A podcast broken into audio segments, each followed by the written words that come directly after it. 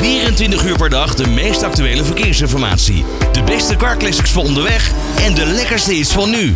Traffic Radio. In het jaar 2021 zijn er 5% meer motorfietsen verkocht dan in het jaar daarvoor. Deze stijging zien we overigens al langer en daarom ga ik praten met Arjan Everink van de Koninklijke Nederlandse Motorrijdersvereniging. Hoe beleven zij deze stijging en waar komt dit nou precies door? Ja, Arjan, jij kan mij hier meer over vertellen. Allereerst denk ik, goed nieuws hè, deze stijging voor jullie. Ja, absoluut. Hoe meer motorrijders op de weg, hoe mooier of wij het vinden natuurlijk. Ja, dat snap ik wel.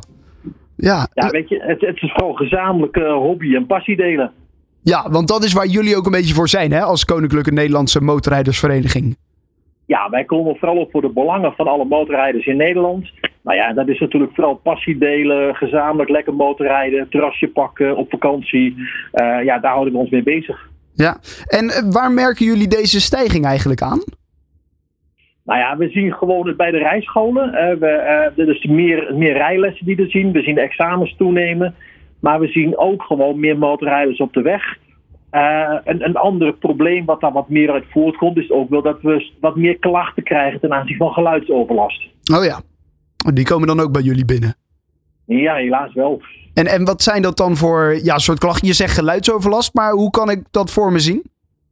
Nou ja, kijk, motorrijden, wat ik net al aangaf, is ook een stukje passie delen. Dus wat je ziet is dat motorrijders eh, vaak in een groep op pad gaan.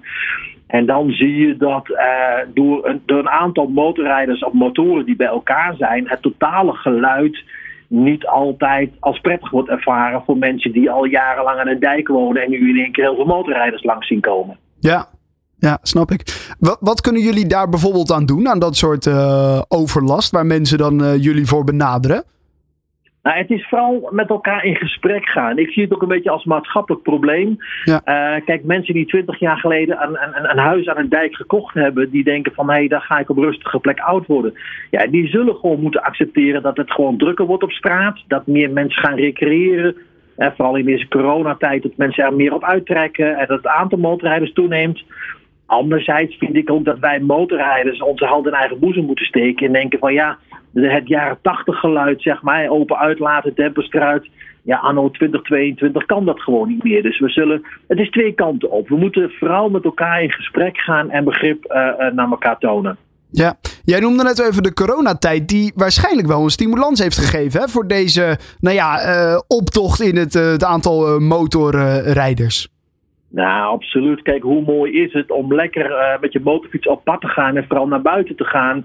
Eh, als we al de hele dag door de week op ons zolderkamertje zitten te werken, eh, dan wil ik er wel graag even uit. Ja, ja, dat snap ik. Merken jullie ook dat jullie een stijging aan aantal leden hebben? Eh, nee, dat nog niet zozeer. Dat hopen we natuurlijk wel op het moment dat we nog meer aan de weg gaan timmeren ten aanzien van belangenbehartiging. Eh, het is wel belangrijk voor ons hoe meer leden we hebben, hoe, hoe, hoe grotere vuist we kunnen maken richting gemeentes of, of overheden of politiek Den Haag. Ja.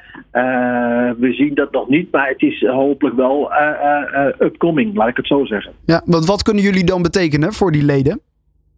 Nou ja, kijk, hoe meer leden we hebben, hoe grotere vuist we kunnen maken. Dus hoe belangrijker gesprekspartner we zijn.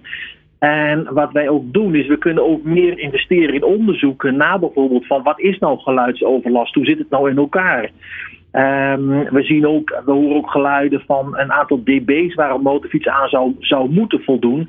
Maar dat is technisch helemaal niet haalbaar. Maar hoe toon je dat nou wettelijk of via een onderzoeksbureau? Hoe ga je dat nou aantonen? Nou, Ja. Dat kost gewoon geld. Ja, ja. Eh, nu zijn er dus enorm veel mensen die een, een motor eh, hebben gekocht. Want dat is dus echt de stijging die er is te zien. Hè? Meer mensen die dus een motorfiets hebben gekocht in het jaar 2021. Als ik nu door dit denk en door jouw verhaal met die coronatijd. Inderdaad, ik zit de hele tijd op mijn zolderkamertje. En ik wil erop uit in het weekend. En ik wil gezellig met wat vrienden nou ja, eh, gaan motorrijden. Waar moet ik nou beginnen? Hoe kan ik nou beginnen met het rijden van een, van een nou ja, motorvoertuig? Ja, dat, is, dat, is een, dat is een lastige. Dat klinkt heel makkelijk. Die vraag mij is best lastig. Want ik zeg wel eens: de ideale motor bestaat niet. Want ik moet er gewoon drie in de schuur hebben staan. Alleen ja, mijn vrouw vindt het niet goed.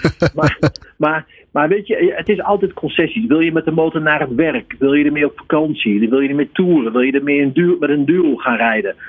Ehm, dat zijn wel, maak een soort plus- en minnenlijstje voor jezelf.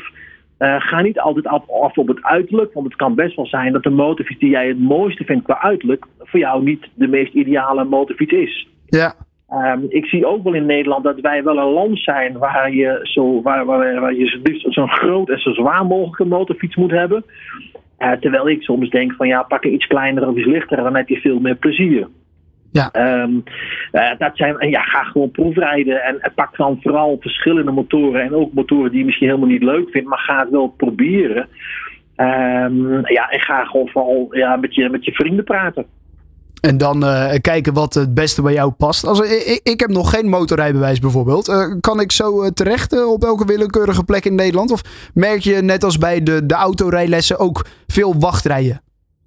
Ja, de, de wachtrijen nemen zeker toe. En dat heeft ook wat te maken met de situatie zoals nu bij het CBR is. Daar zijn achterstanden. Hè, dus dus, dus e rijles is één, maar, maar examen doen of een examen kunnen plannen, is, dat is nog best lastig op dit moment. Dat, dat ook, vooral ook door corona ontstaan. Ja. Um, maar zoek wel een goede rijschool. En het liefst een rijschool waar de instructeur ook op de, vanaf de motorfiets les geeft. Okay. Ik aangaf, uh, kijk, motorrijles is ook, is ook een stukje passie delen. Nou, hoe mooi is het als jij van een instructeur die zelf enthousiast motorrijder is, je rijlessen krijgt.